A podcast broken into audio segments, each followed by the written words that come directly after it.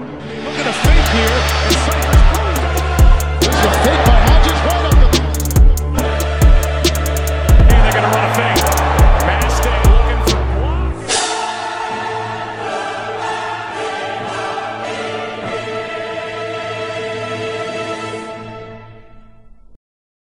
Nagy szeretettel köszöntök mindenkit a Fake Punk Podcast draft értékelő második felvonásában. Az előző részhez hasonlóan ebben a részben is végig fogunk menni a valódi és a mi általunk megírt mock draft pikjein. Az előző részben végigvettük 1-től 16-ig csapatokat, most pedig a második 16-tal megyünk tovább. Két segítőtársam ebben Kádár Bence Sziasztok! és Varga Levente. Sziasztok! és ne is szaporítsuk tovább a szót. Nézzük meg 17. választásra a Las Vegas Raiders gyakorlatilag totálisan érthetetlen offenzív tackle, offenzív guard húzását, méghozzá Alex Leatherwoodot az Alabama Egyetemről. Mi egyébként ezen a ponton szintén tackle mokkoltunk a Raidersbe, viszont mi Christian Delisó szántuk a Las vegas Bent is volt. Bent is volt, teszem hozzá, és mégis mi történhetett Raidersben, hogy ez a pick, ez, ez született meg? Szerintem itt az általatok annyiszor kihangsúlyozott Alabama faktor játszott szerepet. Annyit azért elmondanék, hogy Levi segítségével tegnap kicsit kutattunk, hogy melyik bordon hányadik helyen szerepelt lett Wood. Az Athleticnél 34 a Draft Networkön 72 a Pro Football Focusnál 40 az ESPN-en meg 60 volt. Uh-huh. Szóval tényleg gigareachről beszélünk.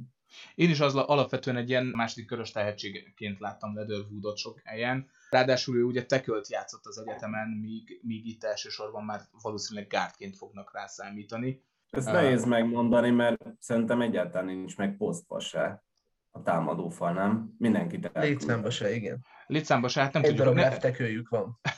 nem, tudjuk, nem tudjuk, hogy a, hogy a Raidersben ki fog állni majd a line of scrimmage-en. Az, az biztos, hogy Leatherwood ilyen szempontból needre érkezett, az viszont már egy más kérdés, hogy vajon megérte első köröst csinálni belőle. Igen, mert lehet azt mondani, hogy Derisót azért nem akarták húzni, mert Derisó egy tipikus lefteköl, és ők ugye Colton Miller személyében ezt már megtalálták. De még hogyha nem is akartak arra a posztra húzni. Tevon Jenkins sokkal jobb prospekt szerintem, mint Leatherwood, és más úgynevezett második polcra, tehát tekölök közül is, én Eichenbergben is jobban hiszek, Dion Radunz. Úgyhogy Radunz, így van. Kozmi nálam előrébb van.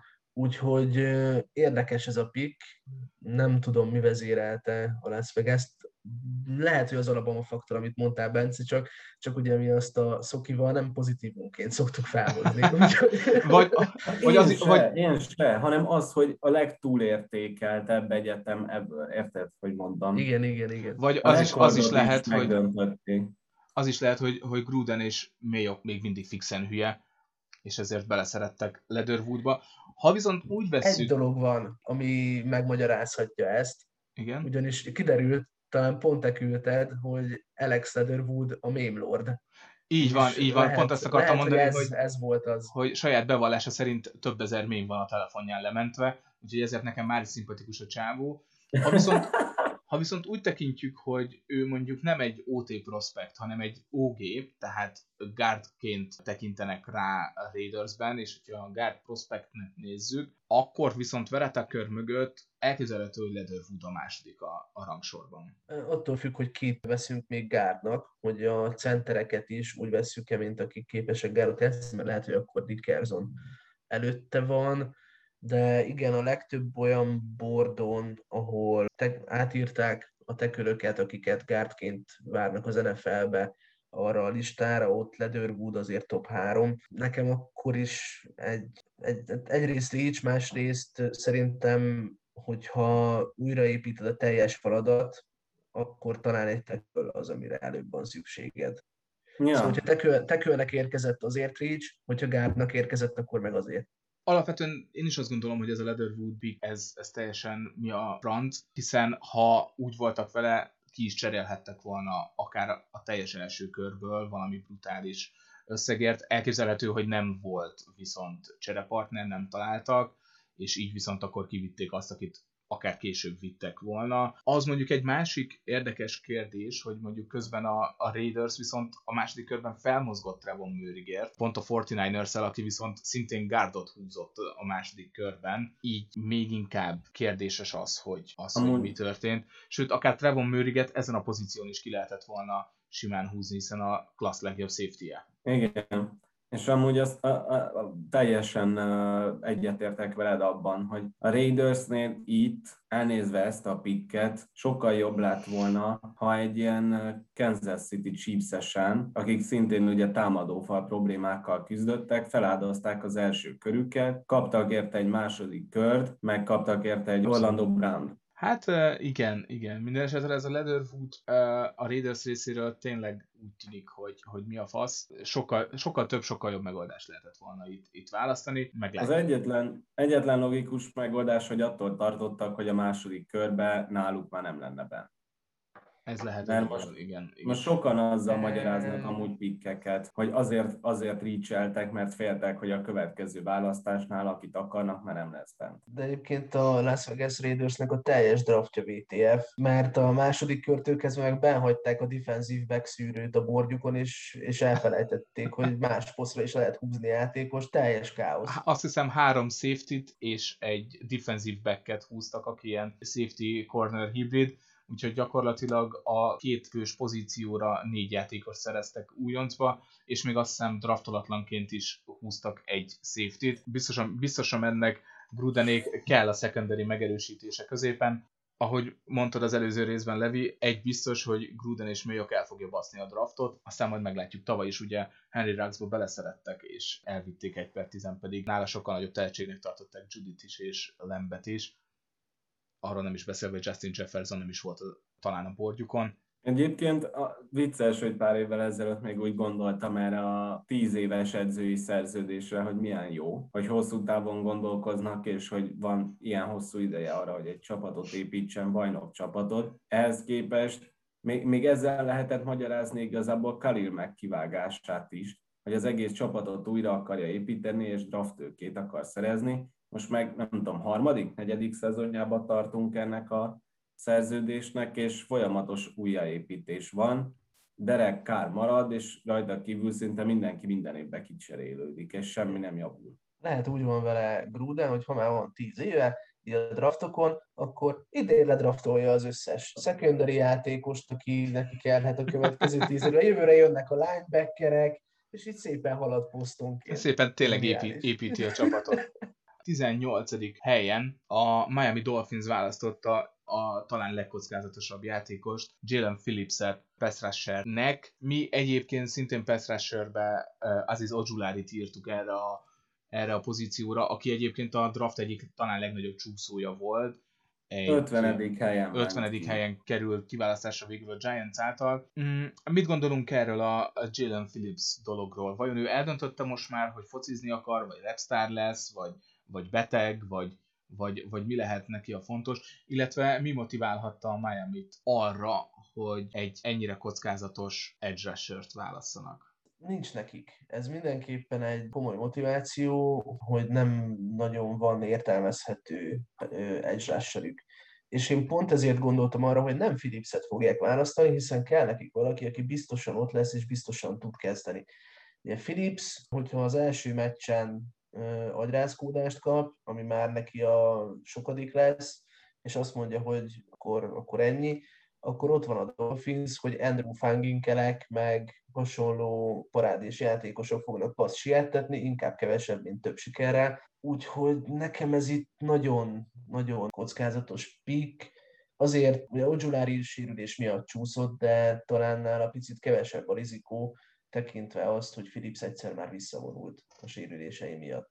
Igen, a, mondjuk Úgy, azt hogy... tegyük hozzá, hogy, hogy Jalen Phillips akár top 10-es tehetség is lett volna, hogyha abszolút, nincs, abszolút. Ilyen, nincs ilyen orvosi kartonja, és azt is, azt is nyugodtan hozzátehetjük, hogy, hogy talán a legjobb edge rusher, mint ahogy egyébként a legjobb edge rusherként uh, ment ki ezen a, ezen a drafton, de mind, mindez attól függ, hogy mennyire marad egészséges. És mennyire... Én nem. Hát én az ilyen 30. hely után már el tudtam volna képzelni az ő draftolását, de azért itt nagyon korainak tartom. Nagyon és hát nagyon, nagyon kockázatos. Tehát például egy olyan csapat, ahol van egy, van egy fix, van egy fix defensive end, oda Jalen Phillips egy projektnek, illetve egy ilyen high risk, high win defensive endnek tökéletes, de ebben az egész szituációban talán egy picit sokat kockáztatott Miami, és még itt talán azt el lehet mondani, hogy ugye ő a Miami Egyetemről érkezett, viszont nem helyi srác, tehát még az sincsen, hogy azért szerettek bele, mert mondjuk egy született, született flori- floridai Miami arc lenne, hiszen ő nem is tudom, talán a North Carolina-n játszott előtte? UCL-én volt. Vagy UCL-én? Tehát akkor egy, de hogy, de hogy honnan származik, azt nem tudom most így hirtelen. De, de de igen, hogy egy éve költözött el. egy, egy éve költözött Miami-ba, tehát még talán az a faktor sincsen, hogy akkor a helyi fiút hozták a Dolphinsiak. Én nagyon tartottam tőle, hogy a Vikings fogja kivinni. Nagyon örülök, hogy nem. Ennek ellenére tényleg benne van az, hogy, hogy mekkorát robbantson, de azért lássuk be, nehéz az ő posztján és az NFL-ben egészségesnek maradni. Ezt én- Ezt én Bárki, bárkinek, és egy olyan embernek, aki már tényleg egyszer visszavonult, és akinek motivációs kérdések is vannak a neve mellett, ez egyáltalán nem jó jel. A tehetsége viszont megkérdőjelezhetetlen. Pláne ebbe a gyenge edge. Hát ha Klasszban. tehetséges vagy, és nem akarsz focizni, akkor nincs értelme. Tehát érted, mit mondom? Igen, simán lehet, hogy húz egy Isaiah wilson és ő is kiad egy, egy replemezt. Nem tudom, ilyenkor egyébként... Remélem jobban repel, mint Wilson azért. Én remélem jobban Ilyenkor- focizik. Ilyenkor lehet amúgy szerintetek ilyen különleges szerződést kötni a draftolt játékossal? Nem. Ugye azt mondani, hogy abban az esetben, Nem. hogyha úgy döntesz, hogy, hogy nem akarsz részt venni, vagy nem tudom, akkor a pénzed nem jár. Vagy Nem, a, a, a draftolt játékosoknak nagyon kötött a szerződés, nagyon kicsi a, a mozgástér abban, hogy De hogyha lehet. túléli az újon szerződéset, akkor utána már lehet. Utána már lehet. Nem De utána már szerintem öt varázsolni. év, után, öt év után már nem lenne nála probléma az, hogy nem akar focizni, gondolom. Hát ez, ez olyan, hogy Anthony Brownnak is annyi, addig ütötték a fejét, hogy teljesen megbolondult, szóval, hogy nem, nem tudhatod, hogy mikor jön, be, jön el az a pillanat, amikor, amikor mm. bekattan a csávó, és azt gondolja, hogy ő a világ legjobbja, és követel magának egy 20 millió szerződést, mint mondjuk Jadavan Clowney, akinek senki nem akart adni nagy szerződést, mert, mert nem. Úgyhogy ilyen szempontból érdekes lehet ez a, ez a Jalen Phillips történet. Állítólag egyébként uh, Dolphinsos ismerősöm azt mondta, hogy határozottan kiállt amellett, hogy focista szeretne lenni, és nem rapstar. Meglátjuk, mi lesz Jalen Phillips-el. Menjünk tovább a 19. helyen a Washingtoni futballcsapat, vagy általunk láblabda társaságnak nevezett együttes húzott. Mi ide eredetileg is linebacker tippeltünk, azonban talán meglepetés lehet, hogy ők Jamin Davis-t húzták, mi pedig szintén nagyon nagy csúszó Ovusu Koromoát tippeltük uh, Washingtonba. Mi lehet e mögött? Bár tegyük hozzá, hogy Ron Rivera igazi linebacker zseni, hiszen ő maga is linebackerként játszott, tehát hogyha valakiben lát valamit, akkor az simán lehet, hogy tényleg benne. Hát az egyik dolog, amit hozzáfűznék, hogy szerintem a Vosszúval kapcsolatban pont az volt a probléma, hogy fogalmuk nem volt, hogy linebackere. Állítólag ezért csúszott egészen az 52. helyig, ahol a Browns kivitte gigastilként amúgy. Biztos, hogy igazad van abban, hogy Rivera nagyon ért a linebackerekhez. davis egyébként az ESPN tartotta a legtöbbre, ők a 25. helyre tagsálták a draft előtt, de a legtöbb helyen igazából csak a második körbe kellett volna elkelnie. Ha így nézzük, akkor kevésbé meglepetés igazából, mint Leatherwood. Nekem abban a szempontból nagyobb meglepetés, hogy valóban egy ideális felépítésű linebacker, és ugye Rivera az ilyeneket szereti, én úgy szoktam gondolni Rivera linebackereire, mint hogyha a fiai lennének, szerintem együtt szoktak vacsorázni minden hétvégén, vagy nem tudom, mert ugye Kiklivel is egészen speciális volt a viszonya, Úgyhogy biztos, hogy keresi az új kikliét Washingtonban, de én nem hiszem, hogy ez Jamin Davis. Lehet, lehet szeretni az ő játékát, de, de szerintem voltak nála jobb linebackerek, még a második körben is. Én egy nagyon fiktív irányba vinném el ezt. Nem gondoltatok arra a draft előtt, hogy a futballteam felmehet irányítóért? Pláne úgy, hogy ugye De. Fields a 11. helyen volt, szóval 8 helyet kellett volna felmozogniuk, a Bears 9-et mozgott, nem. Lehet, hogy igazából ezt nem úgy kell megközelíteni, hogy linebacker, linebacker, és hogy, és hogy a körülményekhez képest húztak rosszul, hanem úgy, hogy benhagyták igazából a franchise jövő irányítóját. Ez egy érdekes kérdés, azt mondanám, hogy számomra meglepő volt a linebacker húzás. Én ide alapvetően elkapót tippeltem, meg azt hiszem többen is, többen is elkapót tippeltünk, mondjuk bateman vagy, vagy valami hasonlót. Az, hogy nem mentek föl irányítóért, az nekem a draft nézése közben már nem volt meglepő, hiszen azt láttuk, hogy Fields csúszik, meg Jonesért nem ment föl senki, tehát 15. helyen kelt el, lehet, hogy drágának ítélték meg. Arról nem is beszélve, hogy az NFC East csoportot nem tudom, hogy ki akarja megnyerni jövőre. Valószínűleg senki nem akarja igazán, tehát mindenki szeretne minél jobb draft pozíciót, vagy nem tudom.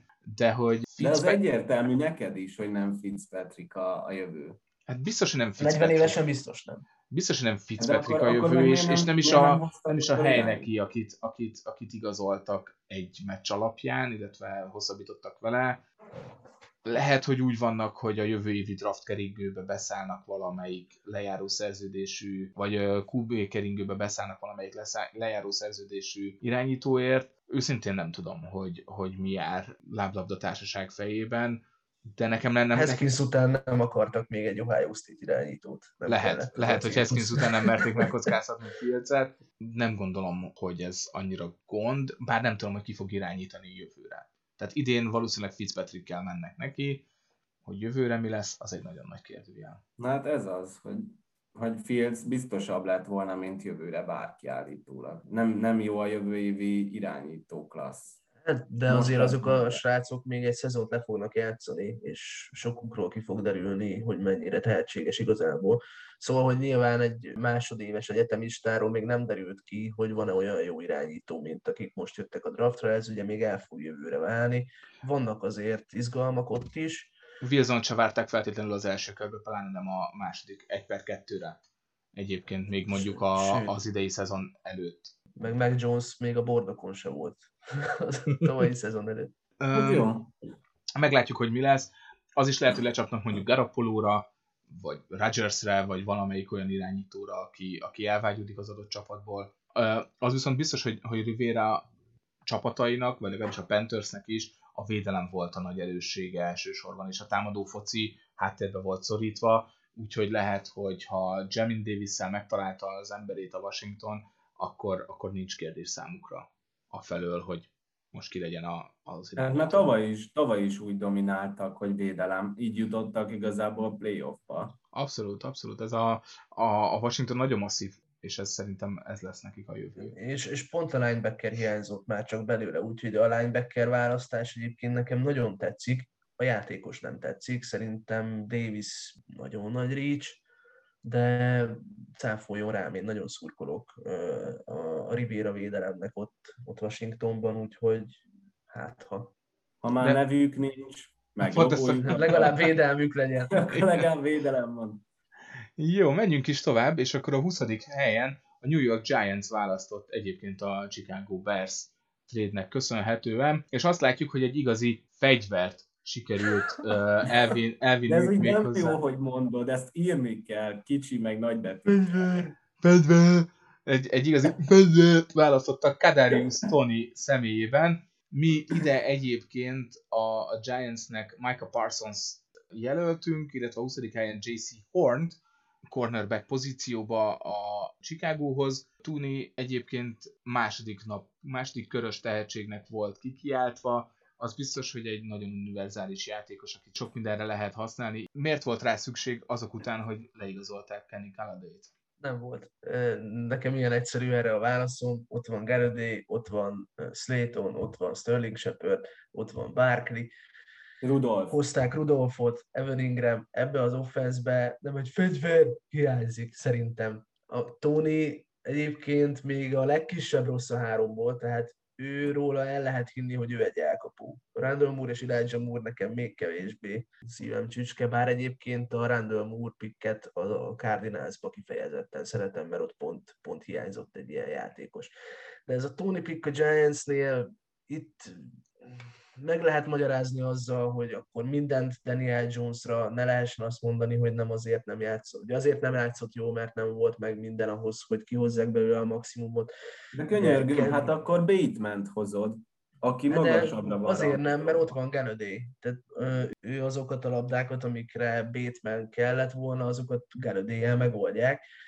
Olyan, olyan emberük nem volt, mint Tony, akivel lehetett ezeket a mindenféle trükkös játékokat, meg hasonlókat hívni, hogy Daniel Jones kezéből kivegyék a labdát. Erre egyébként jó, de erre találtak volna később is. Például harmadik körben ment két jól emlékszem Randall Moore, tehát hogy erre találtak volna később is játékost. Ennek ellenére szerintem nem draftolt rosszul a Giants, főleg, hogy a Ojulári a második körben kifejezetten nagy stíl volt szerintem. Egy Ez a reachet, Tony a, egy reachet adtak egy nagy, nagy, nagy Steelert. Így is lehet nézni, igen. Viszont azzal, De- hogy, azzal, hogy Tunit hozták el, talán gondolhatjuk, hogy a Philip félelme jogos volt a Devonta Smith pickkel kapcsolatban. Benne van, benne van. Bár Gettleman és az ő szerelmeiből simán kinézem azt is, hogy akár Tunit vitték volna a 11. helyen. Erős lett volna. Felmennek tudjuk, érte egy per egyre sárga cetlinut, vagy Kadarius no better what. A Giants egyébként, mint mondtam, elég kevés pickkel rendelkezett a draft előtt, ezzel nyilván egyébként plusz tőkét szereztek, meg jövő évre két első körük van, ha, ha minden igaz. Picklen nem cseréltek volna ki, ha bent van amúgy Smith. Ebben biztos vagyok, hogy hiába kevés draft setli, ők kivitték volna Devonta Smith. Bár egyébként az is lehet, hogy ez is a terv része volt, és csak azért hirdették a Devonta Smith választásukat, hogy, hogy kicsaljanak egy picket a Philadelphiától. Ez már nagyon ilyen gyík emberes elmélet. Lehet, lehet egy kicsit. De az NFC East-ből van olyan dolog, amit nem nézel ki. Abszolút bármit. Bármit. Van egy, van, egy, van egy csapat ott, akinek nincsen neve. Tehát ne viccelj meg. Tusé. Egyébként én, én azt gondolom, hogy a, hogy a Giants ez lehet egy ilyen sleeper csapat, akik, akik nagyot, vagy, vagy fekete ló, akik nagyot tudnak robbantani, pláne, hogyha Daniel Jonesnak tényleg a harmadik évére uh, javul, a, javul a játéka, de ugyanakkor nem véletlen, hogy, hogy a legtöbb mock draftban elsősorban védelmet erősítettek volna a szakértők a Giants helyében, akár edge akár pedig linebackerről szóltak hírek. Mi a különbség nálatok Locke és Jones között? Mert hogy Locke-ra már úgy tekint szinte mindenki, hogy megbukott, miért nem hoztunk, miért nem hozott a Denver egy irányítót? Mi is ezt beszéltük. De miért jobb ennél Daniel Jones, aki szintén kb. semmit nem mutatott eddig? Ő azért mutatott. Tehát Igen, neki voltak olyan gondolom. megoldásaire, megoldásai, amikre, hogy nem ő csinálja, akkor azt mondod, hogy fú, az ez az irányító mekkorát megy. Szóval neki voltak óriási balfasságai, meg óriási játékai is. Meg volt ugye kettő együtt, amikor futott egy százjardos TD, csak egy És 80 aztán felóra elesett. esett. Igen, nekem is, nekem is az jutott eszembe, hogy neki, neki voltak, voltak zseniális megmozdulásai, megindulásai, voltak nagyon jó labdái, amiket jól helyezett, és voltak teljesen értetetlen interceptionök a, az eddigi karrierjében. Hát Locke is ezt csinálta. Neki is voltak neki nem volt meg az a, neki nem volt meg az a, az, az upside mint ami Daniel Jonesnak. Tehát ő nem mutatott annyi villanást, mint Jones. Én is ezt gondolom. Luck. Ja. Tehát, hogy máshol is voltak rangsorolva már az egyetemi bajnokságot követően, tehát a draft előtt is. Úgyhogy talán ezért. Fogalmam nincs, hogy melyikük hol ment ki annó a drafton amúgy. Csak Lok második szerintem- körös volt, Jones meg egy Jones per... meg egy per 6 hat, vagy 12, talán. valahogy így, de hogy akkor azt mondták rá, hogy óriá, Szerintem nagyon nagy hasonló a helyzetük, aztán az Jó, menjünk tovább. 21. helyen az Indianapolis Colts választott, méghozzá Quitty Pay defensive end pozícióba.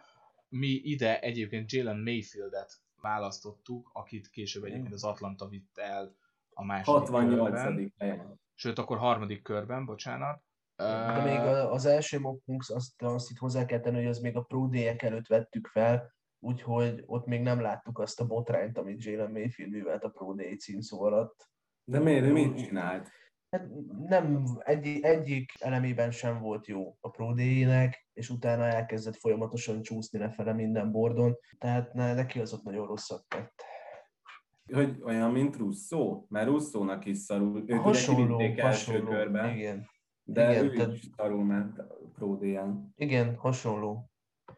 Ehhez A képest a Paypick Paypick az, az- teljesen ül. az nagyon jó. Főleg úgy, hogy a Coltsban talán Justin Houstonon kívül, aki már nem tudom hány éves, de közelebb van az 50-hez, mint a 20-hoz, minden bizonyja. Rajta kívül nem volt értelmezhető egy rusher már egy ideje. És P, ő egy vadállat lesz már az első évében. Sokan mondják, hogy még kiforratlan, meg hogy nem volt sok száki az egyetemen, de amit ő nyújt, ott fizikálisan, az mindenképpen meg fogja hozni az eredményét, még az NFL-ben is. Ugye Zéven Collins kapcsán mondták sokan azt, hogy ahhoz képest, hogy mekkora, milyen gyorsan mozog, hát P még nála is nagyobb, és nagyon gyorsan mozog ő is, eszméletlen. Szerintem... testfelépítését tekintve atletikus, izmos, erős, gyors, csak az első lépései, de valamit mondani szerette volna Bence.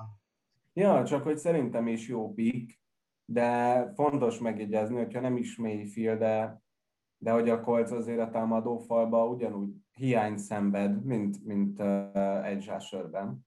De hogy ott is igaz, Nelson, Nelsonnak hívják talán az egyetlen használható. Quentin Nelsonnak is. Ő, ő egy hát, ne, nem, nem, hát rajta kívül még azért van ott bőven jó falember, sőt igazából ugye Castonzo visszavonulása után gyakorlatilag az ő az egyetlen, ami úgy igazi hiány, mert Nelson ugye abszolút elit, Ryan Kelly egy teljesen jó center, és mindjárt eszembe fog jutni a másik két embernek a neve, de hogyha nem, akkor is az, annyit tudok róluk, hogy, hogy jó játékosok, a, legalábbis NFL kezdő szintűek bőven. Mm, nem is úgy értettem, hogy Quentin Nelson az egyetlen, csak hogy abban segítettem ki a Bencét, hogy Nelsonra gondol. Uh, igen, ott ugye Castonzo visszavonulása kapcsán mondták, hogy vagy, vagy amiatt volt esélyes a, az otp -k. Ennek ellenére itt ugye lehetett volna még akár egy, egy elkapót is húzni, hiszen ja, az egyetlen, amúgy nagy a, lett volna. Az egyetlen, az egyetlen értelmezhető elkapó gyakorlatilag T.Y. Hilton. Tavaly vitték második körbe talán Pitment. Hát ő sem mutatott túl sokat az előző szezonban. Meglátjuk, hogy, hogy Vance mire megy ezzel az Indianapolis-szal, az öreg Carson. Vittek uh, irányítót is később, úgyhogy nem biztos, hogy Vance kezd. Hát, hát ugye hatodik, a, hatodik, hatodik körös irányító azért csak nem fogja kijátszani carson a kezdőből talán az első szezonjában. Minden esetre tény, hogy a három nagy négyéből talán az egyikre húzott péjjel. Igen, a, abban az Indianapolis, tehát innentől kezdve akár még ez jól is elsülhet. Menjünk tovább a 22. helyen a Tennessee Titans Caleb Farley-t húzta cornerback pozícióba. Mi ide egyébként lássad Bateman elkapót írtuk, talán a Corey Davis távozása miatt átongó űr betöltendő. Engem meglepett Igen, de ez itt a is meg kell azt jegyezni, hogy úgy írtuk bateman hogy akkor még nem küldte el kb. minden kezdő cornerét a Tennessee. Mondjuk ez is igaz. Szerintem jó pick ide Fárli, hogyha egészséges tud maradni, akkor azután meg főleg kell, hogy ugye elment Adoree Jackson, elment Butler, nem nagyon maradt oda játékos, ugye szabad ügynökként érkezett Janoris Jenkins, de hát ugye ő sem, ő sem fiatal. Úgyhogy maga a pick az szerintem nagyon kellett. Az, hogy Fairley-nak mennyire fogják tolerálni, hogyha nem lesz egyből bevethető, az jó kérdés. De tehetsége alapján, hogyha a sérülése nem lett volna, akkor itt óriási stíl. Abszolút. Így valamennyire kockázatos, mondani, hogy... de ül. Én is ezt akartam mondani pontosan, hogy Farlit is azért még a sérülése előtt, illetve a sérülés újasságának kiderülése előtt simán top 20-ba várták, így a 22. helyen talán a Farley bizonyos értelemben Steelnek is hát, Sőt, a, tekinthető. A, a, csúcson, a csúcson, amikor még nem beszéltek a sérüléséről, akkor ő volt az első corner. Igen, ő volt a top, top, top corner. Akkor még izé Certain-nél is feljebb rangsorolták. De hát nyilván a scoutok, illetve a sérülések azok nagyban tudják befolyásolni ezeket a dolgokat. Mit várhatunk a Tennessee-től? Meg tudják tartani nem. ezt a, ezt a stabil playoff színvonalat, vagy, vagy azért csúszni Szerintem fog? nem. Jövőre. Szerintem Arthur Smith hiánya nagyon meg fog látszódni. Ott, hát ő volt az, aki, aki egy megbukott Tenehillből is kihozta a azt a Tenehilt, akit vártak eredetileg az NFL-be, aki igazából Harryből nagy futót csinált. Most nem méretre értem, hanem teljesítményre. Szóval szerintem, szerintem mindenképp látszani fog az ő hiánya. Itt azért lehet, hogy még meg tudják tartani a, a csoportgyőztes helyüket, mert ugye nem tudjuk, hogy Vence mire lesz képes a Colts, Jaguars egy per egyről jön, újonc irányítóval, azért lorenz szemben talán irán is elveresi az első évében csoportgyőztessé varázsolja ezt a csapatot. Houstonban meg nem tudjuk, hogy ki fog játszani, hogy Watson, vagy nem Watson, vagy ő börtönbe lesz, nem lesz börtönbe, mi történik. Hajland, hajlandó eljátszani egyébként, pont most olvastam, hogy uh, talán a legtöbb uh, amerikai lap úgy gondolja, hogy Houston vagy így, vagy úgy, de nem fog játszani a 2021-es szezonban, vagy börtönben fog ülni, vagy nem lesz hajlandó pályára lépni a Texansban. Mindkettő igen érdekes forgatókönyv talán a Tennessee-nek ez a legnagyobb előnye vagy esélye a rájátszásra, hogy egy csoportgyőztes mindenképpen. A jövő évi, jövő évi első köre már lenne a Houstonnak, ha szarok? Vagy még azt is odaadták Kansasért? Szerintem lesz, jövőre már lesz első köre a Houstonnak, úgyhogy talán tudnak válaszolni. A Houston abszolút, abszolút egy per egy várományos. Még talán azt mondom, hogy Watsonnal vagy Watson nélkül teljesen mindegy. Tehát az, amit, az, amit most Houstonban csinálnak... Hát most már, most már elengedték Will Fullert is, tehát most már célpont sincs, még ha Watsonban is. Most Abszolút, már tehát ez, normális ez... passi etető sincs, mert Watt is elment onnan. Jó, még azért Watt már nem volt egy teljes szezonos pass tehát nem, azt lehetett látni, tek, hogy ő... Tek, hogy a ő... száma visszaesett, viszont nyomásgyakorlásban továbbra is elit volt.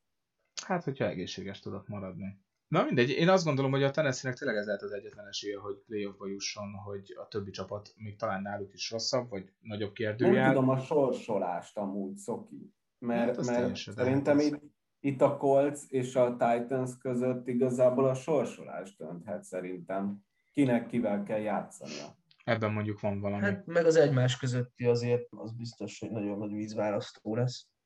Csoporton belül. Az egymás elleni.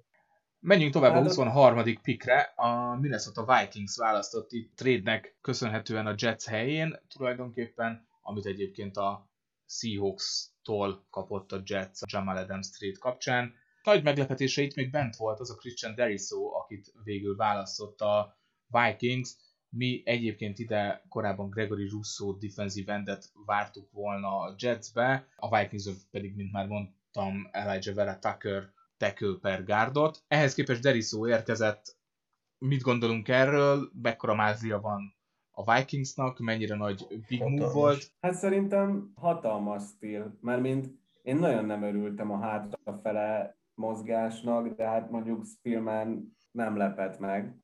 szóval minden évben kb. ezt csinálja, de az, hogy ben volt Deriso, hát ez így egy, a trade együtt ez egy A mert Deriso amúgy nagyon beleillik a, a, a Vikingsnak a játékába. Mind futás blokkolásban uh, nagy segítség lesz, mind pass blokkolásban, ami még talán fontosabb is, mert, mert a gond nem, nem, a, nem a kukféle futással van, hanem azzal, hogy Kazinshoz folyamatosan odaérnek. Rengetegszer vitték földet tavaly is, és ahhoz, hogy, hogy egy ilyen drága irányító tündököljön, ahhoz őt meg kell védeni, Deriso erre alkalmas lehet az első naptól kezdve. Nekem ő nem volt szimpatikus, de tegyük hozzá, hogy azért nem, mert 14. helyen voltunk. 14. helyen ott szerintem Reach, Reach lett volna, itt viszont abszolút stíl. Igen, és néztem a Vikingsnak a depth pont mielőtt elkezdtük a felvételt, és ott Ezra Cleveland már gárdként van beírva, úgyhogy, úgyhogy kész van a Vikings támadófala, ez mindenképpen újdonság Kérdés, mi van, ha megsérül valaki?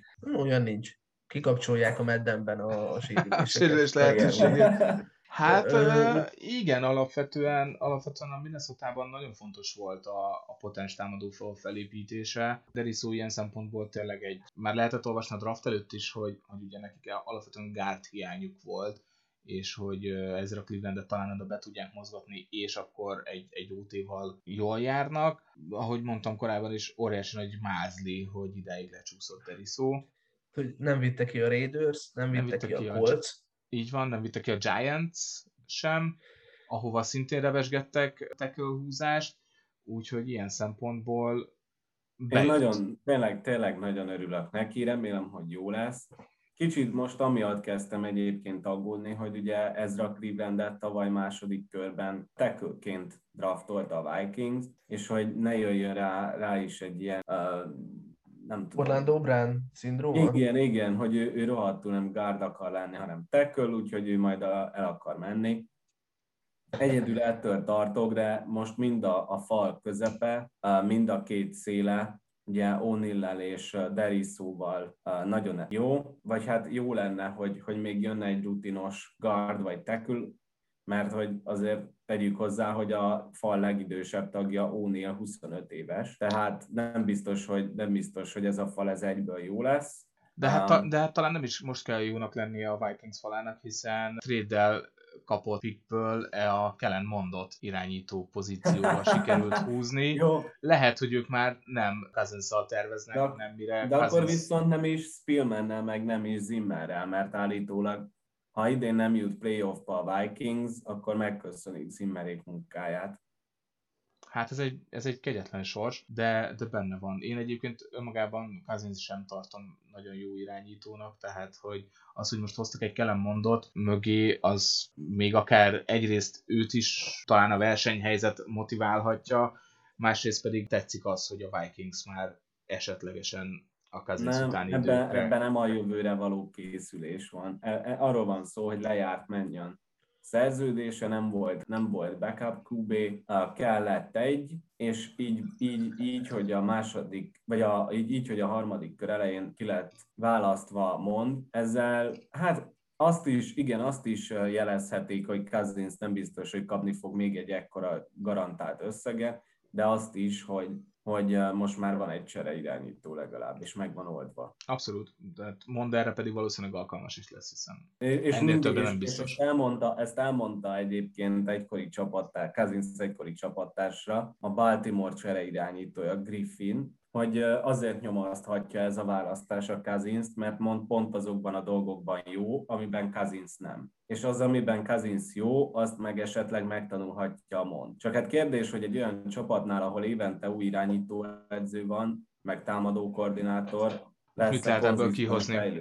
Na mindegy. Én, én tényleg visszatérve Derisóhoz, kurva jó. Bízunk benne, hogy így is lesz. És akkor menjünk tovább a 24. választásra, ahol a Pittsburgh Steelers választotta Najee Harris-t az Alabama Egyetemről. Mi itt egyébként Steven Jenkins-t mokkoltuk a korábbi választásunkban, ami talán indokoltabb is lett volna, bár tesz, teszem hozzá, hogy a Pittsburgh elpasszolta az egyetlen potens futóját Arizonába, Connor személyében, és uh, nagyjából Livian Bell óta nem volt elit futója. Kérdés az, hogy egyáltalán megéri, megér-e egy első kört egy futó, vagy nem jártak-e volna jobban, igen. nem jártak volna jobban egy teköllel, és erősítették volna a falat. Szerintem senki másnak nem mérte volna meg, a Steelersnek igen, mert Big Ben már nagyon lomha, nem tud nagyot dobni, és nagyon fontos az, hogy a földön egy elit futó er, egészítse ki, vagy hozza a yardokat, és így megtehették azt, hogy a három elit futóból ők választottak először.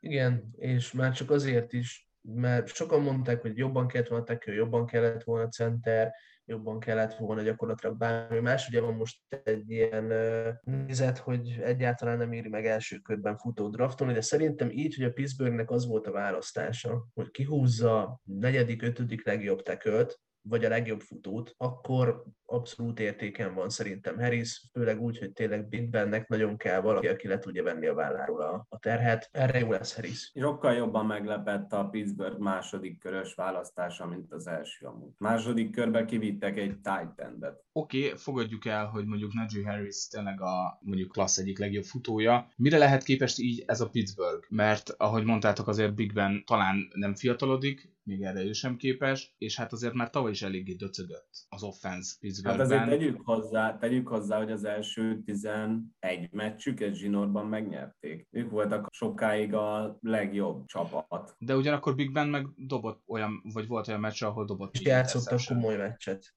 Igen, előző évben talán utolsók voltak a csoportban, és hogy ezért azért elég könnyű ellenfeleket sikerült összeszedniük. Ettől függetlenül mit várunk Pittsburgh-től jövőre?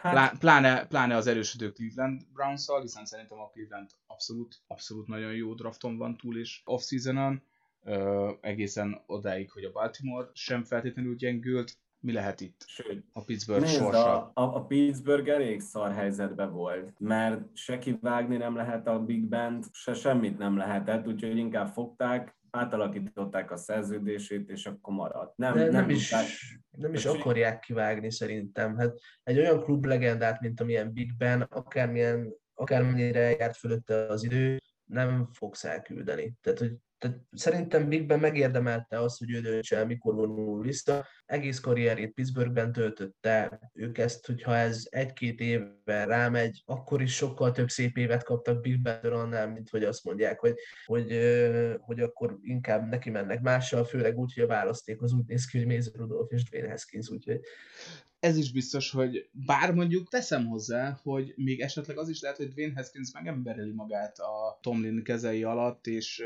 ki tudnak hozni belőle egy potens QB-t esetleg Big Ben utánra. Tény és való, de ahhoz az, akkor is kell egy év. ahhoz akkor is kell egy év, és azt látjuk, hogy valószínűleg tényleg nem akarnak mindenáron megszabadulni Big Ben-től, addig, amíg Hát ez nem derült ki. Nem, nem volt az a kommunikáció, hogy mi Hát de- mindenképp megtartjuk. De addig, amíg Rattelsberger azt mondja, hogy képes játszani, valószínűleg ő játszani fog a Pittsburghben. Elfogadom. Valószínűleg, nem valószínűleg új szerződésben nem fog. Nem, ez az utolsó szezonja szerintem. Az ide rangsorolt Jenkins-t, vagy az általunk ide jósolt Jenkins-t amúgy a 39. helyen vittek ki a Bears. Szóval ők, ők jól jártak. nagyon jó pick volt. Az nagyon jó pick volt, és egyébként Igen. a, a, azt lehet látni, hogy amúgy a második körös pikkek nagyon-nagyon-nagyon szépen ültek, és nagyon, tehát akár első körös tehetségeket is simán találtak második, vagy talán még harmadik körben is. Igen. Meglátjuk, hogy, hogy mi lesz ebből, de az biztos, hogy a, hogy a Steven Jenkins, Steven jenkins nagyon jól járt a, a, Chicago. A harris amúgy kb. az összes nagy ilyen elemző cég az első körre várta, a 23. helyre a Jetshez amúgy, de kivéve a PFF, mert ők a 65 valamiért ők csak a 65. helyre rangsorolták Harris, de hát az biztos, hogy kellett a Steelersnek egy futó. Akkor menjünk tovább, és a 25. helyen a Jacksonville Jaguars választott, méghozzá mi Trevor Murriget jósolt ide az klassz legjobb safety azonban ők Travis Etienne választották, aki hát futó, viszont a legnagyobb előnye valószínűleg az volt, hogy Clemsonról érkezett akárcsak Trevor Lawrence. Mi lehet e mögött? Kellett-e egy futó ebben a Jacksonville-be? Van-e értelme futót vinni az első körben? Továbbra is áll a kérdésem. Illetve, hogy Law- Lawrence életének megkönnyítése valóban ennyire fontos-e? Igen, rövid válasz, de egyébként itt azért egy fokkal kevesebb logikát látok benne, mint a Steelersnél. Lehetett volna tényleg mőriget húzni, lehetett volna védelembe bárhova máshova is húzni. Offenszbe egyébként nagyjából szerintem kész van ez a Jaguars. Az ilyen pick az többféleképpen is magyarázható, össze is függnek egyébként. Egyrészt egy futójuk van, aki értelmezhető, tavalyi draftra akaró James Robinson, aki a semmiből csinált egy 1000 yardos szezont, de nem lehet egy futóval azért egy egész szezonba neki menni, kellett azért valaki mellé. Itt ilyen abból a szempontból jól kiegészíti, hogy talán ő volt az idei drafton a legjobb olyan futó, akit passzjátékban is lehet használni célpontként, és főleg az, hogy Lawrence-szel ezt csinálták már évek óta, ez, ez még pluszt fog ennek adni. És abból a szempontból is megtehette a Jacksonville azt, hogy kiválaszt az első körben egy futót, mivel a második kör első pikje az gyakorlatilag hogyha úgy nézzük, szinte még egy első körös pick az értékén. Nincs nagy különbség a 2 per 1 és a, az 1 per 25-6-7 között, Abszolút. és ott is még ben volt az a játékos, akit, akit akár még ezzel a pikkel is elvihettek volna. Így abszolút nem gondolom azt, hogy ez egy ö, rossz választás lenne. Izgalmas lesz nézni ezt a, ezt a Jacksonville-t. És ugyanakkor meg lehet, hogy egy ilyen már nem lett volna bent a 2 per 1 Igen. hiszen ugye Harris és itt ilyen között big boardokon nem mindig volt különbség, hol az egyik, hol a másik volt előrébb. Hát a kett, kettő per egyen egy nagyon VTF választása volt a Jacksnek amúgy. Tyson Campbell személyében. Ő teljesen jó pick. Hát nem tudom, szerintem Asante Samuel jóval kiforrottabb cornerback prospect, aki még akkor bővenben volt. Hát attól függ, hogy mit akarsz. Hogyha akarsz egy fizikális kornert, aki, aki megkeseríti mindenkinek az életét, akkor, akkor Campbell-t viszed. Hogyha akarsz egy olyan, olyan cornerbacket, akit, akit el fognak nyomni fizikálisan azért az elkapók, de megvan benne a lehetőség, hogy bármikor a semmiből csinálja egy interception akkor ugye Samuel. De Samuelbe az van, hogy egy játékban megverik, egy játékban interception semmiből, Campbellnél meg az van, hogy minden játékban meg kell vele küzdeni. Itt megint arra az a kérdés, hogy a csapat mit szeretne. Amúgy visszatérve az eredeti kérdésre, én nekem nem szimpi ez az egy ilyen választás. Amíg a Steelersnél megértem a Big Bang kora miatt, addig a Jaguarsnél, pláne úgy, hogy ott már van egy, egy futó, aki tavaly bizonyított, nem is kicsit, kb. a csapat leghasználható tagja volt, nem tartom ezt jónak, de hát őt kicsit amúgy ilyen Ezékiel Elliotos prospektnek tartom, vagy, vagy húzásnak most itt, hogy kihúzták, és aztán kap majd egy megaszerződést, addig jó is lesz, és utána meg beég. De hogyha meg onnan közelítesz, hogy a Jaguarsnak lehet az az elve, hogy Trevor válláról levenni minél többet, tehát legyen két olyan futó, akivel akivel érdemben tudnak számolni. akkor egy olyan ember válláról veszed le a terhet, egy olyan irányító válláról, aki nem jó. Az, aki a legjobbnak van titulálva, és egy per egyen vitted ki, annak pont azt akarod, hogy virágozzon Igen, viszont, viszont Trevor Lawrence-szel kapcsolatban rengeteg az elvárás amit, ami még lehet, hogy túl magas is ahhoz képest, hogy egy első éves irányítóról van szó. Én azt gondolom, hogy, hogy nyilvánvalóan, vagy nagy valószínűséggel ő sem fog egyből robbantani egyébként. Kell neki is idő, amíg hozzászokik, pláne egy 1 per 1 csapattal, tehát azért a Jacksonville is ráér még arra, hogy ők, ők top prospektekkel, illetve, illetve csak a kirakós utolsó darabjaival álljanak hozzá ehhez a, a játékhoz. Úgyhogy innentől kezdve én is el tudom fogadni ezt a, running back picket, pláne azért, mert, mert mondjuk 2 per 1 nem biztos, hogy bent lett volna. Jó, és akkor menjünk is tovább az imént már említett Cleveland Browns-szal, akik a 26. helyen Greg Newsomot választották, aki hát mi eredetileg Zayvon Collins, tehát egy linebackert vártunk volna ide, sokan akár már itt kihúzhatta volna a Browns Owusu Koromoát, hiszen még mindig bent volt, de ez a Greg Newsom pick, én azt gondolom, hogy tökéletes cornerback választás a Browns rosterére. Ez, ez egyébként pontosan azért olyan zseniális húzás, mert a bosszút egy körrel később is kitudták. Két hatalmas stíl. Igen. Abszolút, abszolút. Newsamot is egyébként simán uh, top 20-ban is elvihette volna bármelyik csapatként. Tehát, hogy az látszik, hogy... Hamarabb, mint a... Farlit, nem? Én hamarabb húztam volna, mint Farlit egyébként. Valószínűleg a sérülés miatt akár elvihették volna hamarabb is, igen. igen hogyha nem csak tehetséget néznek. Alapvetően egyébként én azt látom, hogy a, hogy a Cleveland Browns végre, vagy hát, hogy nagyon sok év bőt után végre elkezdett értelmesen építkezni, és egy egészen patent csapattá vált. Hála Stefanskinak. Hát meg, meg a GM. Itt azért kőkemény draftpikkeket raktak, és, és végre a secondary is fel tud lépni. Szerintem amúgy a Clevelandnek simán benne van egy konferencia döntő, ha elkerülik a sérülések. Amúgy benne lehet, pláne, pláne ugye, hogy leigazolták Jadavon Clowney-t a védőfal szélére, úgyhogy így gyakorlatilag a Miles Garrett Clowney egy per egy duó. Egy per egy duó rohamozhat. Úgyhogy... Hát meg van két elit futójuk, van két elit elkapójuk, van jó secondary, ahogy mondtátok, passietetés is, szóval nincs rendben. olyan pot. Rend, rendben van ez a Browns, úgyhogy még bármi lehet abban a csoportban. Menjünk tovább a 27. választás, a Baltimore Ravens. Szintén egy, ha úgy tetszik, célt láthatunk itt, hiszen Rashad Bateman elkapót vitték a 27. választással. Itt tesszük hozzá, vagy tenném hozzá, hogy egyébként a Ravensnek két választása volt az első kör végén, hiszen amit már kamerában említettünk, Orlando Brown Kansas City-be költözött, amiért cserébe pedig egy első körös cetlit kapott a Ravens. Rashad Bateman elkapó, nem tudom, hogy, hogy van-e kérdés ezzel kapcsolatban. A free agency alatt Sammy Watkins szerezték meg, aki általában egy fél szezont sérült, mellette pedig csak Hollywood Brown.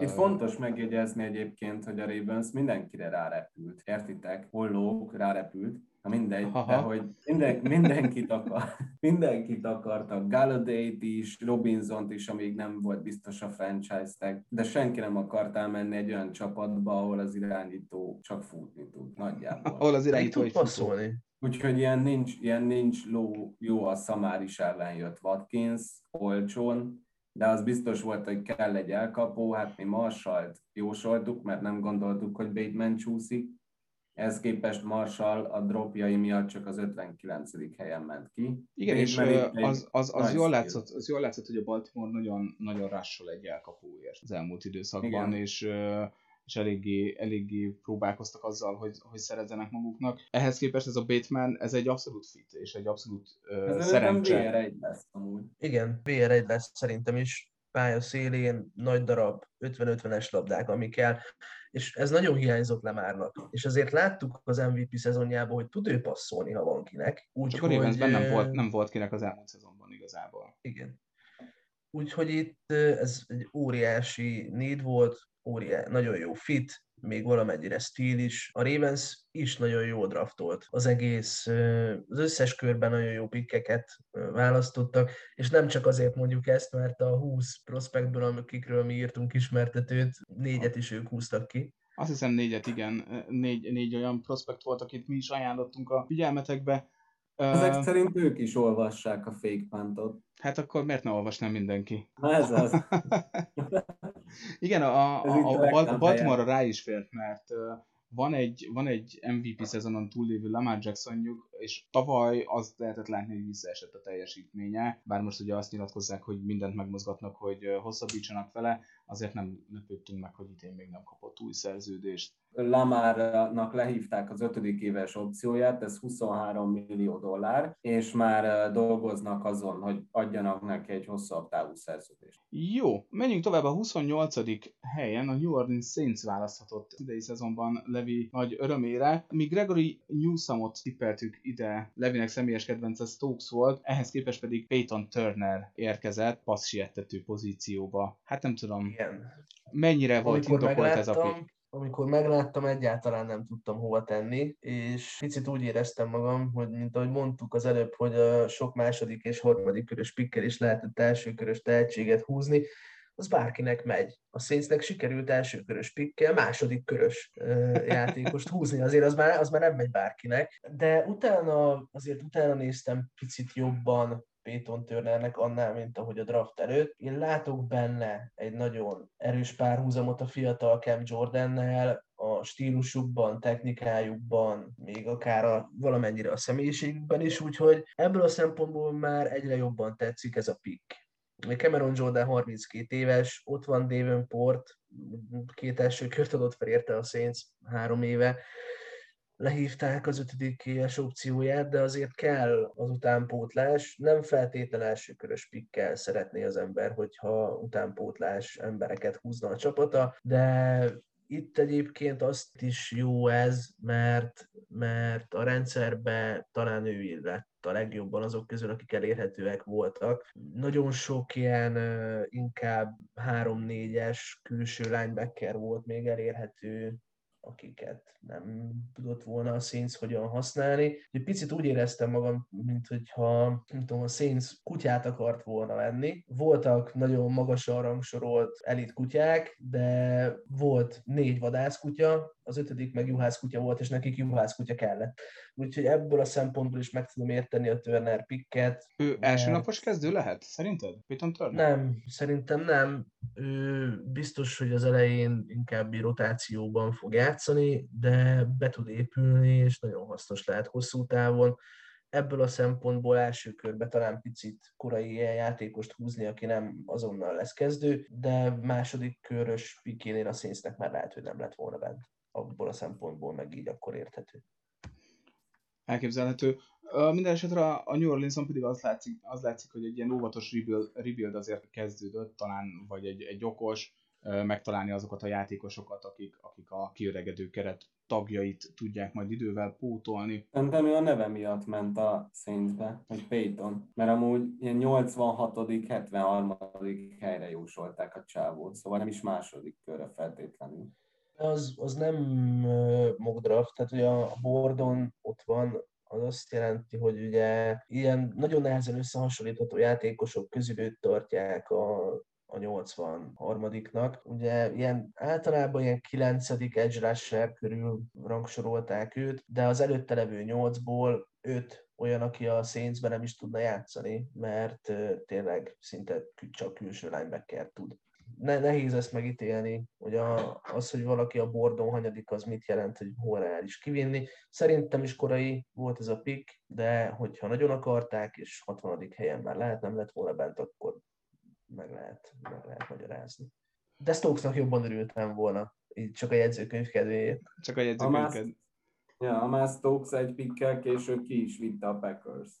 Így van, 29. helyen a Green Bay Packers Eric Stokesot választotta, mi de Kadarius Tooney-t hívtuk azért pusztán, hogy hát ha végre megkapja az első körös elkapó tehetséget Aaron Rodgers, hát nem kapta meg. Ellenben kap, kapott egy Eric Stokesot a csapat védelme, aki hát talán pont a, annak a Kevin Kingnek a helyén játszhat, akit viszont eléggé megégettek a rájátszásban többször is.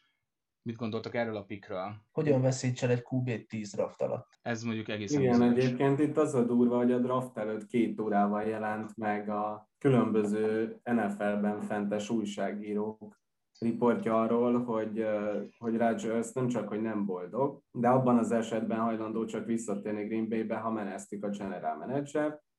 Majd mit csinál a general manager? Első körben draftol egy cornerbacket. Hát igen, ez itt egy valószínűleg egy nagyon nagy, nagyon nagy ego háborút láthatunk egyébként a, a Green Bay-ben, mármint olyan értelemben, hogy, hogy ugye két nagyon erős személyiség viaskodik egymással. Hát, meglátjuk, hogy ki jön ki ebből. Bár mondjuk, hogyha van egy olyan franchise irányítód, aki akár azt is belógatja, hogy visszavonul, csak ne kelljen többet játszani a csapatodban, azért az a tulajdonos részéről mindenképpen fontolandó, hiszen azért Rodgersben még jó pár év benne van. Hát 30, tavaly MVP 36 éves, tavaly MVP szezont futott ismét, zseniális irányító szerintem jelenleg talán a legjobb az NFL-ben, Sajnos. ehhez képest pedig uh, úgy tűnik, hogy Green Bay hajlandó elkútja vetjelni ismét egy, egy elit irányítót. Jó, azért De mi, annak- miért mondod, hogy ismét? Uh, volt egy ilyen összehasonlítás, hogy ugye Green Bay-ben még egyetlen egy uh, irányító sem húzta ki tizen, a 17. szezonjáig. Hát igen, de Mármint, azért- mármint hogy, ö, hogy volt két másik irányító, akit a 17. szezonja Favre előtt volt az küldtek egy. el. Hát, Hát, Favre, meg, meg korábban, korábban még egy. Bad Star. Igen. De hát ha belegondolsz, akkor az öreg Favre egy fiatal Aaron Rodgers pótold, aki néznek milyen szintet ki. Szóval nem mondanám azért, hogy elkótya vetjelték. Jó, nyilván, csak mondjuk Favre mögé már akkor érkezett Rodgers, amikor Favre már, Favron már érződött a, a, az öregség, és Rodgers ugye azt hiszem két évet, vagy ült Kettőt mögötte. legalább, de lehet hármat is valahogy. míg mondjuk Rodgers mögé úgy hozták a Jordan Love-ot, a szerelem doktort, hogy egyrészt nem egyeztettek a franchise irányítóval, ami nyilván nem muszáj, csak azért, hogyha van egy, van egy Aaron rodgers akinek tudod, hogy nagy az egója, tudod, hogy, hogy egyébként MVP, tudod, hogy kibaszott jó játékos, akkor lehet, hogy lehet neki szólni, hogy haver, figyelj, Igen. hozunk egy, egy Jordan Love-ot egy első körben, ráadásul nem kapsz irányítót, ellen, vagy nem kapsz elkapót, ellenben jön egy utód. Nem biztos. Igen, de annak ellenére amúgy, hogy Rogers egyszerűen nem hajlandóak első körös pikkekkel segíteni már tényleg 10 pikk óta. Annak ellenére szerintem ez a Stokes fix egyébként jó. Szóval, Abszolút. hogyha belegondolunk abba, hogy mi, kell, mi kellett a Green Bay-nek, kellett egy corner, kell, kell linebacker, kell elkapó. Most elkapóból már kiment szinte mindenki, akit itt megérte volna kihúzni. Ma- Marshall, Hát Marshall. ilyen Marsalt ki lehetett volna, de ugye őt végül a, a sérülései meg a dropjai miatt ugye ő csúszott. Hogyha a, úgy voltak vele, hogy elkapót visznek majd később, vittek is ugye Mari Rodgers a Clemsonról, tehát A. Rogers és A. Rogers játszhat majd együtt, hogyha mind a kettő ott marad Green Bay-ben. Így, visz, így, így én tökre tudok menni ezzel a Stokes pickkel, kellett, kellett Abszolút. valaki, és ő szerintem jó lesz. Én Sokaknál leszek a ő- legboldogabb, ha Rodgers nem tér vissza. Nyilván Viking szurkolóként neked Rodgers nem akkora élmény. Én nagyon szeretem egyébként a Green Bay-ben, ez szerintem zseniális, és Stokes tényleg, tehát egy, egy, egy cornerback nagyon kellett ebbe a Green Bay-be. Az most kérdés, hogy Stokes lesz-e az, aki valóban beválik, bár abból kiindulva, hogy Levi nagyon szerette volna a Saints-be, tényleg Jair Alexander túloldalán nagyot fog tudni alakítani. Sokaknál Stokes volt az ötödik corner. Uh-huh. Így a Szörten, Horn, Farley, Newsom mögött volt sok bordon ő jött, volt, ahol nem. Ugye itt ez már, ahogy így csúsznak össze a, a tehetségek, már kezdenek így nagyon egy szinten lenni, így már nehezebb megállapítani. Én is jobban szerettem egyébként Stokesot, mint a csapattársát Campbellt, vagy, vagy akár Melifon Wood, meg a hasonlókat, akiket uh-huh. ide tettek. 30. helyen a Buffalo Bills Greg Russo-t választotta defensive end pozícióba. Mi ide mokkoltuk Eric Stokesot, tehát azért itt érződik, hogy azért eléggé összecsúsztak már ezek a tehetségek. Russo egyébként draft előtt jóval még elsőkörös prospektnek számított, utána rebesgették, hogy második körös lehet simán, végül a, a, a Bills 30. helyen kivitte. Reach vagy értéken kezelt, vagy értéken húzott Gregory Russo? Nálam ugyanaz, mint a Saintsnél Peyton Turner, hogy máshol sokkal nagyobb reach lenne, itt kellett a Billsnek is juhászkutya, és nem vadászkutya. Uh-huh. Uh-huh. Engem meglepett, a, főleg az, hogy e- ugye együtt néztük Szoki a draftot, és amikor bejelentették, hogy Russo, Russo-t meghívták oda, ahol az első körösök vannak, a szállodában, Uh-huh. az engem abszolút meglepett, mert én is abban a reményben volt, vagy abban a hitben voltam, bocsánat, hogy Russo csak második napos lesz. Annak fényében egyébként még furább ez az egész, hogy a második körben a Bills meg Basham Junior, aki szintén egy rusher vitte ki. Szóval az első két körben két pass sietető, ez nagyon furcsa, és nem vagyok benne biztos, hogy amúgy Russo ne csúszott volna le majdnem a második kör végéig, ha bent hagyják. És itt meg ki lehetett volna akkor vinni bárki mást. Hát itt, itt ugye Hát, nyilván az első kör végén mindig az a kérdés, hogy azok a csapatok, akik nem a 32. helyen választanak, viszont nagyon közel hozzá, ők ettől az egy játékostól vannak-e attól, hogy, hogy jövő évben Super Bowl-t nyerjenek. Tehát mondjuk a Billsnek tényleg egy, egy darab defensív endre van-e szükség ahhoz, hogy méltányolható vagy, vagy Super Bowl esélyes csapatként beszéljünk róla. Én azt gondolom, hogy az Emmanuel Sanders igazolás például elkapóba, az, hogy Josh Allen nagyot lépett előre az előző szezonban, mind-mind azt mutatja, hogy egyébként ez a Bills nagyon jól építkezik, és Meg lehet, Dix. Dixet ne hagyd Hát. Dix, de Dix ugye ott van, tehát hogy Dixet leigazolták tavaly, tehát hogy tudták, tudtuk, hogy az ott van. Azt nem tudtuk, hogy Josh Allen nagyot fog előrelépni, azt nem tudtuk, hogy Emmanuel Sanders mm, Buffalo-ban fog kikötni. És most viszont azt, azt látjuk, hogy szerintem ez a Buffalo abszolút contenderré tud előlépni, ha Josh Allen megtartja ezt a jó formáját. Így van. És igazából itt is az van, mint ami a Green Bay-nél, hogy, hogy mi kellett. Kellett egy corner Tredavious White túloldalára, kellett egy edge rusher, ezen kívül nagyon más, komolyabb nédje nincs, nem volt a csapatnak. Nédre hoztak olyat, aki illik a rendszerükbe, máshol, hogyha mondjuk nem a Bills húzza ki Russzót, hanem szinte bármelyik másik csapat a 31-ből, akkor én is azt mondom, amit te Bence, hogy, hogy korai, de itt a Billsnél szerintem ül.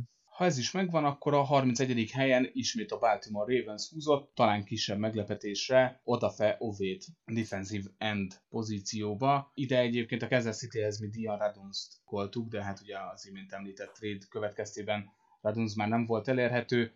Ovéról mit gondoltok, mennyire volt szükség, ugye innen Matt Judon igazolt el egyébként a Patriotsba, mennyire előrelépés ehhez képest Ové, mennyire volt fontos része, vagy mennyire fontos darabkája ő a Baltimore defenzének, illetve az egész csapat szempontjából, a, ha úgy tetszik, a Super Bowl esélyeknek. Ő nagyon jó piki, és egyrészt ugye azért, mert Judon elment, és nagyon hasonló játékos egyébként Ové, mint Judon. Ugye mond- mondtuk is itt egymás között, hogy hajlamosak Baltimoreba az ilyen játékosokba beleszeretni. Talán Bence is, meg én is eltaláltuk a saját pokkunkba, hogy itt Ové fog érkezni. Nagyon jó fit. Ugye, három Egyébként négyes nem külső illett volna, Levi nem illett volna ő a Bills-be? Nem, Ha már így beszéltünk Russzóról. nálam OV defensív endként ö, nem olyan, tehát több potenciált látok benne egy olyan rendszerben, mint a baltimore ahol ö, 3-4-es külső linebackerként használják, tehát annak megfelelően mondjuk nem feltétlenül az első évétől, de akár vissza tudják küldeni coverage-ba is, hogyha úgy alakul, mert a testi adottságai megvannak hozzá. Az biztos, hogy az első szezonjában csak irányítót fog siettetni, mert még azért fejleszteni kell nagyon sok képességét, de az, hogy ő milyen brutális atléta, az, az nem tudom szavakkal kifejezni. Elkapó se szégyenkezne olyan sebességgel, mint ami neki van. Akkor mondhatjuk, hogy a Baltimore jól draftolt, most függetlenül attól, hogy uh, hány általunk kedvelt prospektet vittek el, de itt az első, első két körben akkor, akkor igazából előre, előre tudtak lépni magukhoz képest. Abszolút, két Abszolút. négy pozícióra jött két elit játékos. Én is így gondolom, úgyhogy érdemes lesz odafigyelni a Ravensre jövőre. És hát a Tampa Bay Buccaneershoz érkeztünk. 32. helyen a Tampa Bay Buccaneers Joe Tyron választotta, aki szintén edge rusher, és egy picit what the fuck pick. Azt gondolom mindannyian csodálkoztunk azon, hogy ők edge rusher-t húztak. Mi lehet e mögött? Kellett egyáltalán nekik ugye Jason Pierre-Paul talán pótlására, meg hát lehet-e bármit mondani arról a Tampa Bay Buccaneersről, akik úgy tűnik, hogy mind a 22 Super Bowl győztes kezdőjüket megtartották. Igen, itt Trajon egyébként szerintem, mint pozícióba érkező játékos jó pick. JPP hány éves? 34? Nem, lehet, hogy csak 31-2, de, de, de hát lényeg az, hogy nem, a nem kezével fiatal, akkor is vannak és, problémák.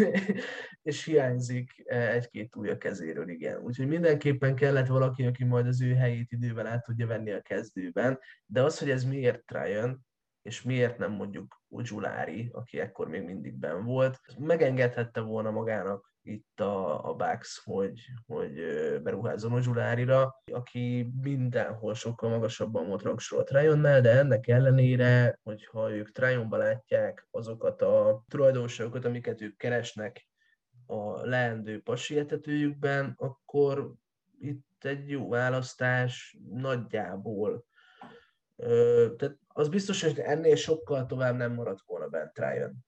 A Mhm. 64. pick biztos, hogy nem. Úgyhogy ugyanúgy, mint hogy a Saintsnél meg a Billsnél ugyanez a logika nálam itt is megállja a helyét. Tehát picit úgy felhúztam a szemöldököm rá, hogy pont Trajont látták a legjobb elérhető pass rushernek, de ettől függetlenül be tudják építeni. És hát az is érdekes, hogy ugye pótlásra érkezett, ugyanakkor ugyanakkor érkezhetett volna Barmore akár Szú pótlására is, szintén a Igen, védőfalba. az sokkal logikusabbnak gondoltam. És az talán- Nekem nem. Talán Barmore egy Barmore- ilyen első körösebb tehetség, bár mondjuk Alabama játékos, tehát Levinél alapból, alapból túlértékelt. De nem- nem azért, mert alapban a játékos, mert, mert érted, ott van mondjuk Vedöl, Smith, Szörten, alapban a játékosok, de tényleg top tehetségek. Én azt, azt rosszallom, hogy ha van mondjuk egy ilyen draft, hogy nincsen jó defensive tackle, akkor automatikusan rámondjuk, hogy oké, okay, mindenki szar, akkor biztos az a legjobb, aki az alapomáról jön. Mert, mert, mert ki más érted. Szóval szerintem em, kb. emiatt Barmore meg Jones után számomra a legtúlértékeltebb játékos volt a drafton. Én, Véletlen, én hogy örülök, mindkettő egyik Alabama? Csapat, hát nem véletlen, mert pont ezért, hogy hm, nem jó, de legalább alabamás. Hát, Ez, ez nagyon jelen van ott Amerikában, és nem tudom hova tenni. Ettől függetlenül jó játékos Bármór, meg jól fog játszani valószínűleg, csak ettől nem, tehát hogy attól, hogy mindenki más szar, ő nem lett jobb. Tehát Ez azért, még- mert ez nincsen másik, nincsen másik defensív tackle, akit megérni első körbe elvinni, őt ettől nem éri meg jobban. Uh-huh, uh-huh. És mit gondoltok, lett vagy volt-e más egyébként lyuk például ebben a Tampa Bay-ben? Teszem hozzá, hogy azért egy év el fog telni, tehát itt mindenki azt gondolja, hogy egyben tartották ezt a keretet, de nem biztos, hogy megérte egyben tartani, én azt gondolom ezt a, ezt a Super Bowl győztes keretet, mert csak azt fogjuk látni, hogy Gronkowski is egy évvel idősebb, Tom Brady is egy évvel idősebb és kettővel több avokádófagylaltot kell megennie reggelire, azt fogjuk látni, hogy Antonio Brown is valószínűleg lassulni fog, azt fogjuk látni, hogy Szúnak is, Szúnak és JPP-nek is valószínűleg fogyni fog a, a naftából. Mit várhatunk Tampától? Ezt, ezt a gondolatmenetet meglovagolva igazából nem a, az idő múlása a gond szerintem, hanem hogyha megnézed, minden más csapat, köztük a Kansas, amelyik a legnagyobb riválisa volt ugye a Bucksnak például, erősödött. Hozzátett klasszisokat, Tunit, Brown, stb. Jöttek még a draftra is további célpontok. A Tampa viszont oké, okay, hogy megtartott mindenkit, de ez azt jelenti, hogy nem erősödött, hanem ugyanazon a szinten lesz, mint tavaly. Nem gondolom, hogy ez egy jó irány. Nem, nem kellett volna szerintem mindenkit visszaigazolni. Bőven akadtak olyan játékosok a keretben, akik, akikkel már nem biztos, hogy folytatni kellett volna, és mert, mert most ugyanazok lesznek a csapat erősségei és gyengeségei, és már túl kiszámítható lesz szerintem. De meg lennék egyébként, hogyha, hogyha eljutna az utolsó két meccsig a Tampa. Nem egyet is értek, meg nem is értek egyet. Szerintem az, hogy visszahoztak mindenkit, az egy jó alap. Az, hogy utána mit csináltak, az már kevésbé. Hát nem az, hogy értem, hanem hogy, hogy attól még tudtak volna erősíteni, de itt... Csak a draftról. Nem arra költöttek minden pénzt, hogy visszahozzanak mindenkit. De ezen kívül max a draftról erősíthettek volna, amit meg nem tettek meg. Igen, e- ezt mondom én is. embereket hoztak. Ezt mondom én is, hogy az jó alap volt, hogy visszahoztak mindenkit, de ettől függetlenül nem csak rotációs embereket kellett volna hozni. Tehát Nem túl nagy ára volt ennek, hogy visszahoztak mindenkit, hogy tényleg, mert hogyha lett volna még pénz, Én akkor azt mondom, hogy persze kell, de az, hogy minden erőforrást ugyanazokra áldozni, akik már ott voltak, ez szerintem Hát, de azok megnyerték a Super Bowl tavaly is, szóval, hogy alapvetően nem egy rossz kiindulás, csak, csak hogyha azt nézzük, hogy mi kiket draftolt a Buccaneers, itt Tryon azt mondjuk, hogy oké, okay, az egy jó pick, mert tényleg GPP öreg, és akkor Berettel, ők ketten majd, hogyha már nem lesz GPP, akkor tök jók lesznek. De még, de még ilyen pickből se látunk nagyon többet, mert hát, Trask van még a második kör végén, ugye, aki, hát az borzalmas. aki, a, aki, aki elképzelhető, hogy óriási nagy basz lesz, és ö, bár mondjuk Tom Brady-től tud tanulni, hát tudjuk, hogy hogy a screen passzok királyától azért sok mindent meg lehet, de nagyon érdekes az szerintem, hogy én is azt érzem a tampán, hogy egyfajta ilyen elkényelmesedés van. Visszaigazoltunk mindenkit, meg vagyunk akkor gyerekek jövőre. Mondjuk nyilván tehát most az a kérdés, hogy hogy kell ennél több, mint hogy Super Bowl nyert ez a csapat. Tehát, hogy most ők, ők mennyire vannak abban, hogy, hogy jövőre is meg tudják ezt ismételni. Szerintem nem fogják tudni megismételni. szerintem És, sem. és utána pedig jövőre mondjuk egy nagyobb, valószínűleg nagyobb cap space-szel jöhet egy totális rebuild akár a Tampa Bay-ben, de ahogy mondta Levi, én is azt érzem, hogy egy picit a jövőt feladták ilyen értelemben. Igen. Igen, tehát megtehették volna azt, hogy mint hogy a Tryon Pick, ami szisztematikusan egy kifutójátékosnak a minőségi pótlása lesz pár éven belül, hogy, az, hogy a többi pikkel is így gazdálkodtak. Annak lett volna értelme, hogy akkor azért hoztak vissza mindenkit, hogy ők kineveljék az utódaikat úgymond, és akkor amolyan dinasztiaépítés kezdődjön el itt is. Nem értem, hogy a, a többi pikk az, az hova lett, még hogyha voltak is jó játékosok, akik érkeztek, hoztak, hoztak két belső linebackert úgy, hogy azért se Levonté David, se Devin White nem öreg, ami azért engem meglepett például. Hát szerintem ennyit az idei draft első köréről, így nagy vonalakban, már amennyire nagy vonalaknak lehet mondani egy kétrészes podcastet. Még egyetlen egy tartozásunk van, mégpedig beszámolni arról, hogy mi lett a mi saját kis mock versenyünk eredménye. Mi ezt már egymás között megbeszéltük, szóval a hallgatóság felzárkóztatása érdekében az volt az alapvető kiindulási pontunk, hogy minden választás, minden helyes választás egy pontot ér. Ha valakit jó csapatba, vagy jó helyre, de rossz csapatba írtunk, akkor az fél-fél pont. Ilyen értelemben pedig az a végeredmény született, hogy hát saját magamat kihirdethetem négy ponttal, két teli találattal és négy fél találattal a harmadik helyre, úgyhogy én mindenképpen fizetek, mint a katonatiszt, és az első helyen pedig fél pont különbség döntött Levi javára, ugyanis Bence hat és fél ponttal, egyébként négy teli találattal és három fél ponttal lett második, míg Levi, Levinek 7 pontja lett, neki egészen konkrétan 5 teli találata és 4 fél pontja. Úgyhogy Hát az érdekes Chase- eredmény, Ha Chase-t bemerem írni a Bengalshoz, akkor megnyerem. Hát Ö, igen, igen, nagyjából azon a chase picken múlott, hiszen, illetve egész pontosan neked öt teli találatod és három, három fél pontod lett. Voltak szép, szép találatok, tehát nálad volt egyébként az egyéni mokban már Russian Slater, az csak nálad volt teli találat. Parsons Ö, is, csak az nem teli, hanem csapat, de igen. Igen, a Quitipay, azt hiszem az is csak nálad volt teli találat. Az nálam is. Jaj, bocsánat, igen, igen. Nagyon szép volt szerintem az OVE találat, vagy az OV találat mind a kettőtök részéről. Hát az én mokomról ne is beszéljünk, de hát én elég impulzus tippelő voltam. Akkor hát, hány szóval- sört kell a Levinek vennünk? Csak a teli találatok után? Hát szerintem, szerintem a 7 pontra érdemes, érdemes neki 7 hét sört vásárolnunk. Jó. Az volt a kikötés, hogy nem lehet benne kukorica, úgyhogy megkeresem a legrosszabb olyan sört, amiben nincsen kukorica, de 150 Én- forintnál nem tudom. Aranyfácám, vagy valami. Nem, nem, nem. Én mindenképpen valami tisztességes sörözésben benne lennék.